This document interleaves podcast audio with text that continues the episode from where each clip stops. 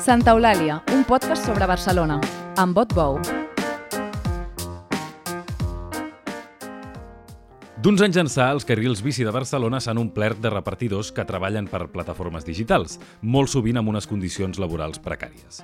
Aquests treballadors tenen una història d'èxit organitzatiu perquè el maig de 2021 van aconseguir que s'aprovés a l'estat espanyol la primera anomenada llei Rider d'Europa, que prohibeix contractar falsos autònoms a les empreses del sector, com Globo, Uber Eats o Deliveroo. En aquest episodi parlem amb Núria Soto, impulsora de Riders per Drets, molt crítica amb com ha anat tot plegat i que avisa que aquestes empreses ja han trobat la manera d'escapolir-se de la llei. Núria Soto, tot seguit, a Santa Eulàlia. Núria Soto, benvinguda a Santa Eulàlia. Merci. Un plaer tenir-te aquí. Escolta, comencem per la, per la teva història com a repartidora. Com vas començar a treballar com a repartidora? Doncs jo vaig començar a treballar com a repartidora a setembre de 2016. Mm -hmm. Fa vuit anys ja, per tant. Sí, sí, sí. Eh, vaig començar a Deliveroo, que aleshores pues, bueno, veies poques persones. Clar, ara ho veiem com molt normal, no? Però... Ha estat un boom molt, molt un boom de cop i volta, molt, molt brusc. fort, però dels últims anys, o sigui... I res, vaig començar a veure gent pel carrer i jo aleshores estava estudiant, també tenia altres feines i vaig parar algú pel carrer i també vaig veure que ho anunciaven com algú pues, complementari per estudiants, que anaves en bicicleta, que tu passaves bé, a mi m'agrada pues, anar en bicicleta, no? I res, en poc temps eh, vaig enviar com la sol·licitud per poder entrar a través de la web, em van cridar, em van mostrar un PowerPoint, vaig acompanyar una persona un dia i al poc ja estava Sí, era, era com una cosa fàcil, que requeria pocs recursos per començar Correcte. i que t'oferia un sou, però quines eren les condicions laborals? Quin... Clar. Aleshores, el que t'explicaven, i és una mica el que segueixen explicant, és que tenies flexibilitat, que podies treballar quan volies, eh, etc. No? I únicament un, un requisit que era que, que m'havia de donar d'alta autònoms, no? Mm -hmm. I Clar, jo aleshores pues, duria tenir, no sé, 21 anys, 22, que crec que és algo també que hem de reflexionar, no? El coneixement que tenim en el món laboral i els nostres drets crec que és superlimitat. I jo aleshores això de donar-te d'alta en autònoms pues, ho veia com un simple tràmit, no sabia molt bé en què consistia i pensava, bueno, puc treballar quan vulgui i dic, vinga, va. Pues... Et va semblar pràctic i vas sí, dir endavant. vaig dir endavant, necessito aquesta feina, necessito aquest extra. I llavors ja un cop treballant a l'empresa, què et vas trobar? Doncs el que em vaig trobar... No treballant a l'empresa, treballant per l'empresa com a autònoma. Exacte, sí. Bé, el que em vaig trobar és que de cop i volta, per exemple, mm, si no treballava els caps de setmana, després no em donaven hores, que això de treballar quan volia, en realitat jo havia d'aplicar, obrien els, eh, com uns horaris, com uns slots, en franges horàries, eh, cada dia en una hora. No? Llavors hi havia una mica la llei del més ràpid, també li obrien unes persones abans que unes altres, segons una puntuació que després explicaré i em donava compte que, bueno, que jo al final pues, aplicava unes hores, uns slots que m'interessaven, si és que no estaven plens i ja havia aplicat altra gent abans que jo, uh -huh. i després era l'empresa, segons les seves necessitats, que m'acceptava unes hores o una altra, o que si no havia treballat al cap de setmana o no havia acceptat algunes comandes, pues ens, em donava menys hores. No? Ah, per tant, la teva organització laboral, diguem-ne, estava sotmesa als interessos de l'empresa, no Exacte. a la flexibilitat que d'entrada t'havien promès. Exacte, i hi havia com aquest sistema de coacció, no? de tu fes el que vulguis, però si no treballes en caps de setmana, no acceptes comandes, etc etc, no tindràs hores. I el perfil dels teus companys, perquè tu deies, per exemple, jo tenia 21-22 anys, estava acabant, estava a la universitat, tenia la, la, la meva situació, um, quin perfil era? era? Era gent que es trobava igual que tu? O... Clar, jo crec que això és importantíssim i que té molt a veure amb l'organització que vam tenir després a, a Riders por Derechos, no? Que, a Riders per Drets, que era que érem tot gent jove, eh, majoritàriament gent eh, local, i, i aquest era el, i, i poca gent migrant. O gent migrant, però amb certs nivells d'estudis, etc. No? Uh -huh. I també això coincidia amb un discurs més inicial de ets estudiant, vols un hobby... Mm, T'ho posem fàcil. T'ho posem fàcil. I això ha canviat? Aquest perfil ha canviat? Sí. Va haver-hi un punt d'inflexió. De fet, va passar exactament el mateix, per exemple, on van haver-hi les primeres uh, vagues o les primeres protestes, no? eh, que van ser principalment al Regne Unit i a Bologna, que era el mateix tipus de, de perfil, no? aquest perfil inicial.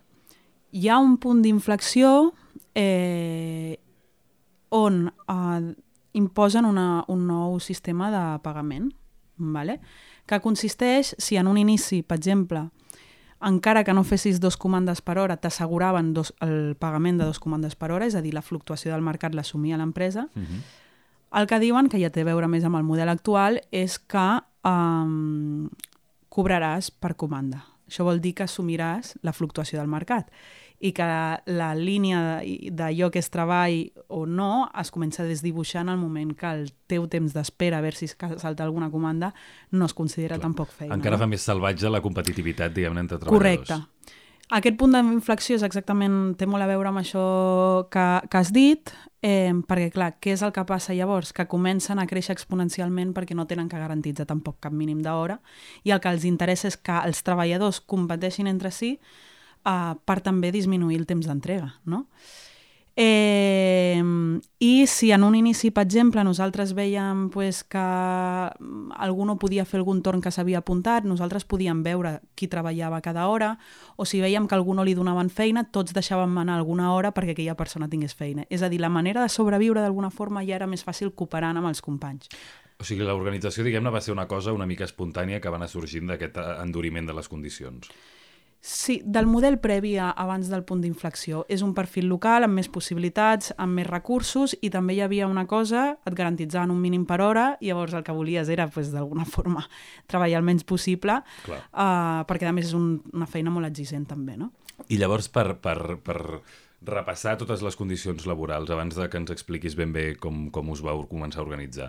Uh, hi havia aquesta mm, dependència o aquesta falsa flexibilitat, uh, però també és veritat que hem tingut mm, titulars i notícies durant molt, molt de temps eh, sobre la seguretat física dels, dels treballadors eh, amb, amb aplicacions de, de repartiment perquè eh, com que hi ha aquest component de la velocitat hi ha més accidents, hi ha hagut eh, atropellaments, Exacte. no? Sí, això, això passava ja a l'inici, per exemple, el tema de la puntuació, que té a veure amb el tema de l'algoritme, que ja el parlarem, imagino, després, Eh, però si tu, per exemple, tenies una setmana que plovia i et tocava repartir Ciutat Vella perquè estàvem distribuïts per, per zones, aleshores, pues t'enviant un correu de Núria, tus tiempos han sido bajos, no?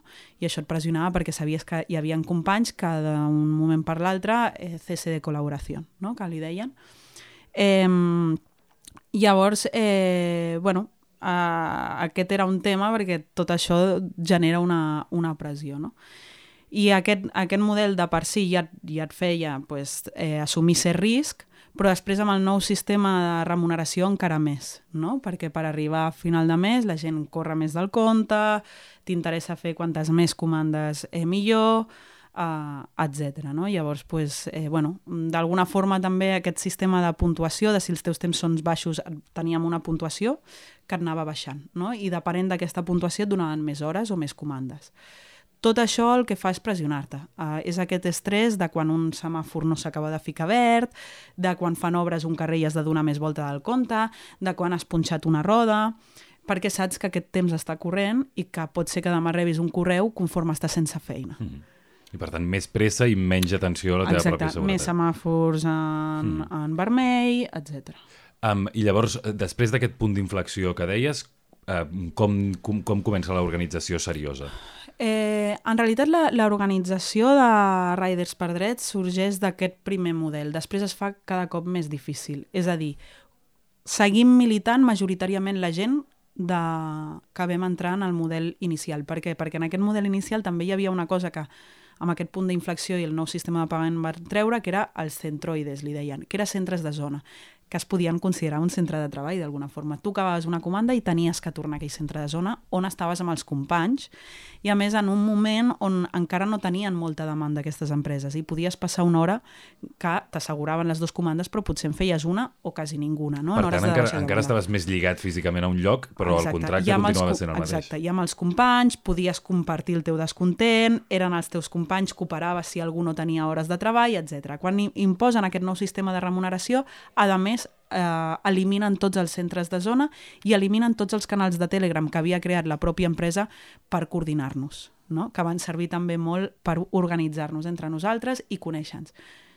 Amb el nou sistema de remuneració i l'eliminació dels canals de Telegram i dels eh, centres de zona, comença a entrar moltíssima gent amb un perfil molt més migrant, la corrent discursiva també canvia, més cap al sigues el teu propi cap, però això de l'estudiant que vol un extra desapareix, eh, i cada cop és un perfil eh, més, eh, més precari. No? Qui introdueix aquest relat de que siguis el teu propi cap? És una cosa mm, publicitària de les pròpies empreses? Sí, que, de les empreses. De no? Aquest, aquest discurs de de la llibertat, de la llibertat individual, de la llibertat trasladada a lo econòmic, de la llibertat o comunisme, no? És aquesta, aquesta llibertat, no? La llibertat que hauria de tenir tothom en una pandèmia per poder anar a treballar, com aquesta llibertat no? que es ven, eh, en la que òbviament eh, no estem d'acord a nivell sindical, no?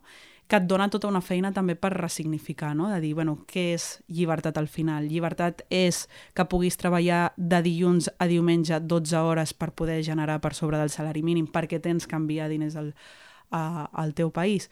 bueno, alguna gent necessita, entre cometes, aquesta llibertat. I és per això també que, que aquests models pues, eh, funcionen amb cert perfil. Mm -hmm. eh, i no sé, no sé fins a quin punt pots detallar una mica més. Abans parlaves d'aquesta cooperació, com d'aquesta solidaritat entre treballadors, no? d'alterar els sí. propis horaris per no perjudicar els altres.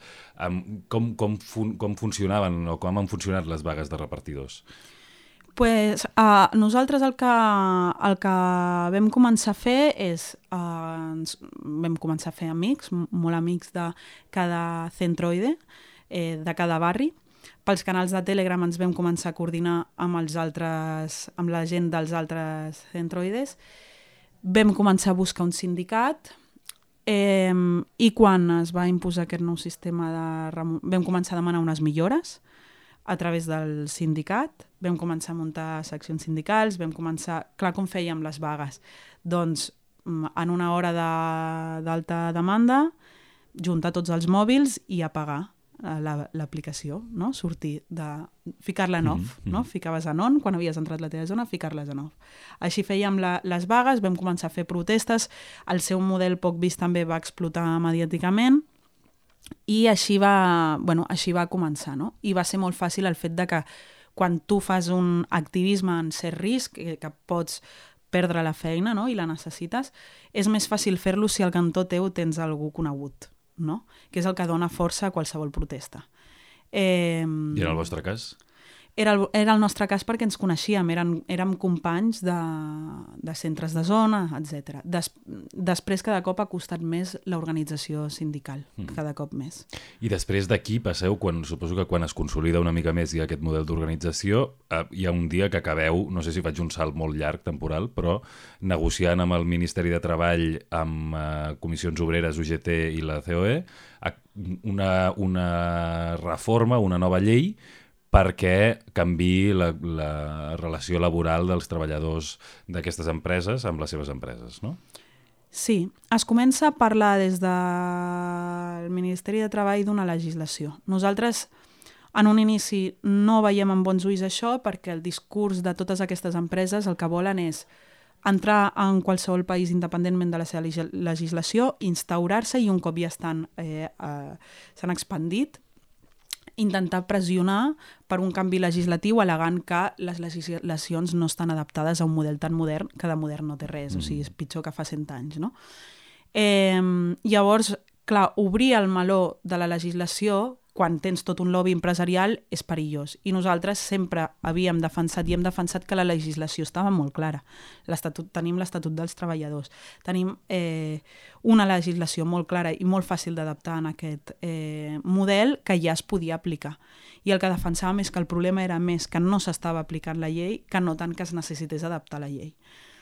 Per tant, no volíem obrir queixa, aquesta caixa de Pandora per al fet d'entrar mm, en un Teníeu en un por que fos per blanquejar, que servís per blanquejar Clar, les condicions laborals tens que començar a negociar i, per exemple, a Itàlia s'havia proposat pues, la Carta de los Derechos Digitales, quan en realitat pues, allà s'estaven parlant de la meitat de drets que tindria si ja es reconeix la relació laboral, etc. No?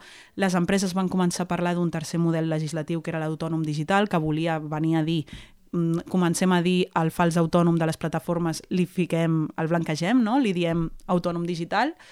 Llavors, eh, tot això pues, eh, genera por, no? I dius, bueno, si és que el problema és que s'estan saltant la llei, si no hi ha inseguretat eh, jurídica, com deien les empreses, no? O sigui, el seu objectiu, diguem era institucionalitzar la figura de l'estudiant o del, o del Exacte. migrant que treballa... Correcte.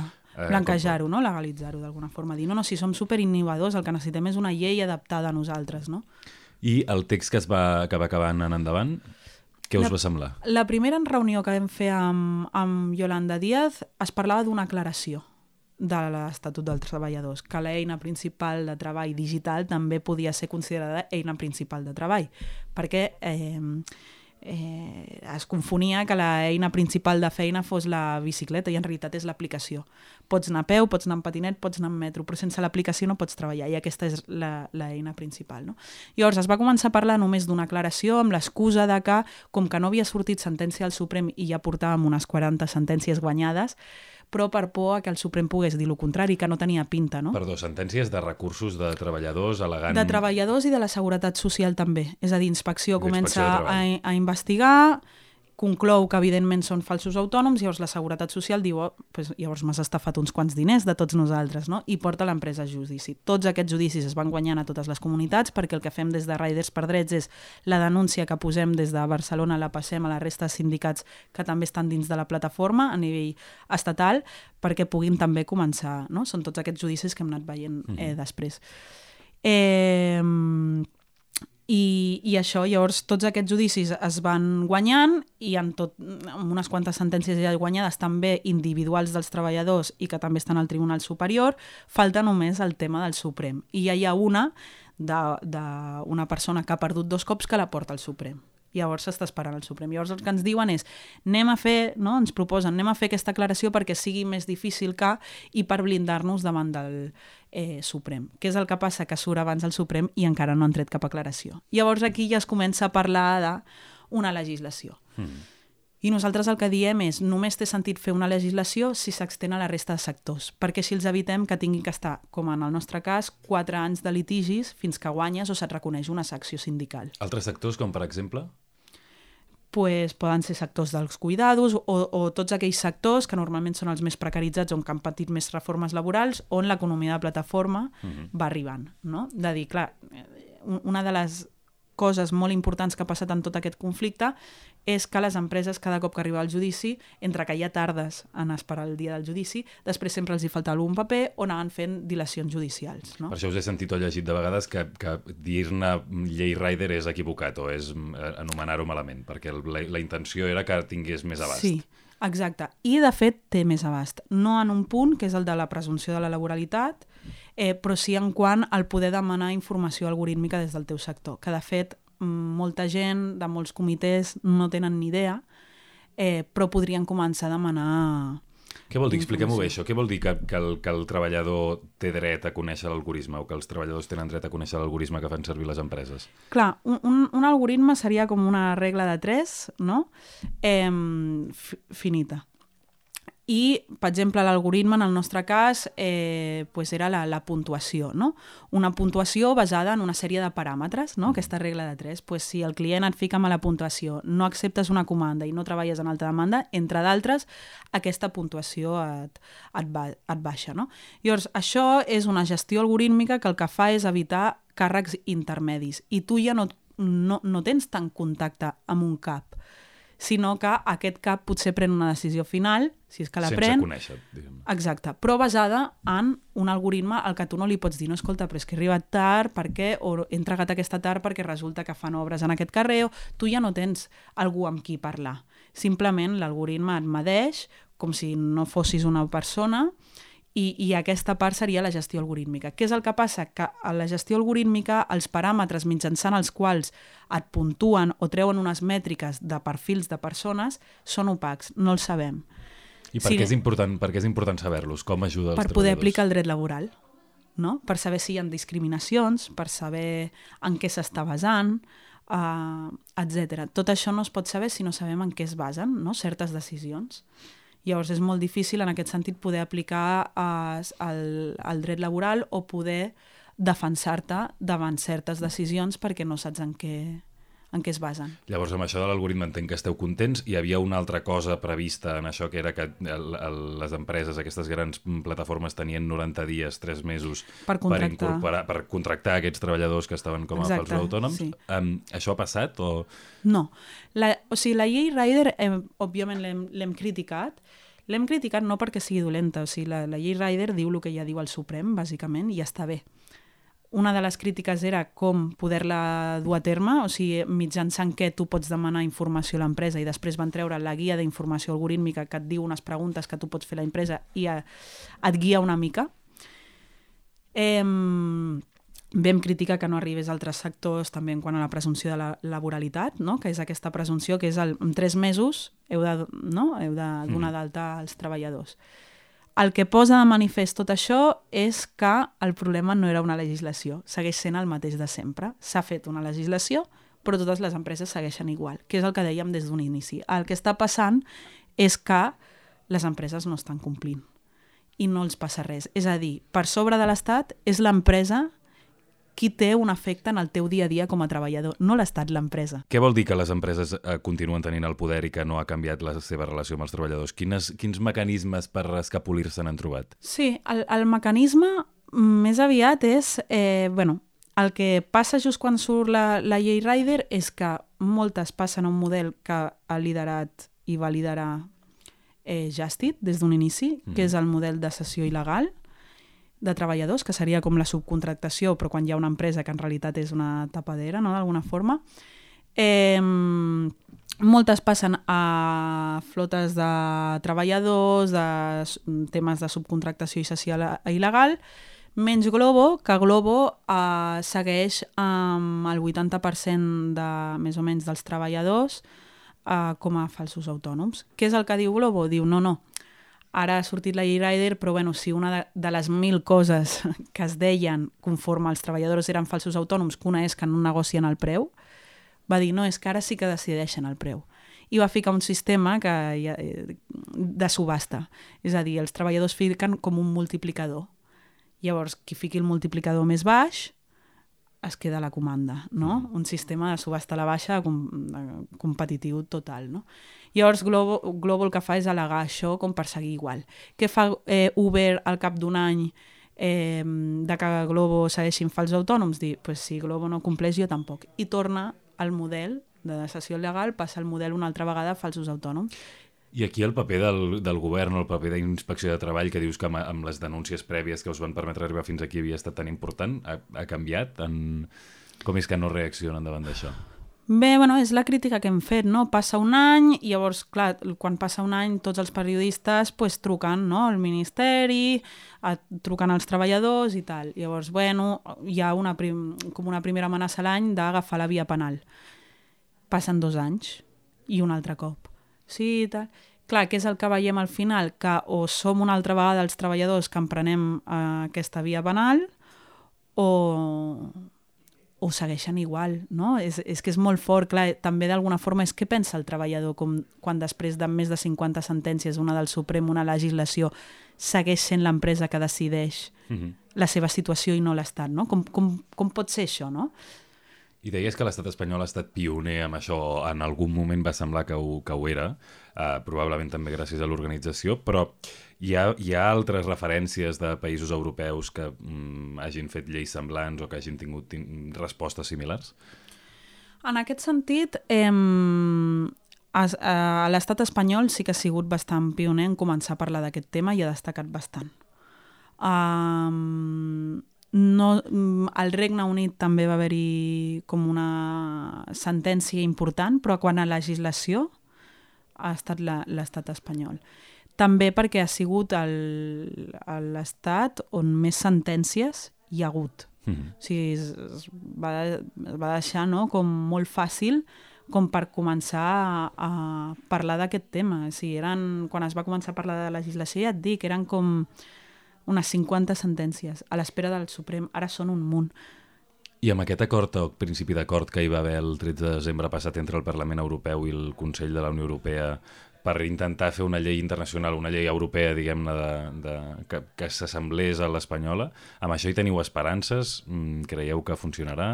Què creieu que passarà? Doncs moltes esperances ara mateix no. Eh, mentre hi havia la presidència espanyola es va intentar treure una directiva europea on el punt més important era la presumpció de laboralitat, és a dir, la càrrega de la prova. Té que ser l'empresa que demostri que el treballador és autònom partint de que sempre el treballador serà treballador, no? Eh, es va començar a parlar d'una llista de cinc criteris, dels quals s'havien de complir dos. Més o menys eh, es podien tenir moltes crítiques, això semblava que anava a quedar estancat, en un moment semblava que anava a sortir... Una llista de cinc criteris, perdó, és a dir, de requisits perquè el, el treballador es pogués eh, considerar susceptible de ser contractat per l'empresa. Exacte.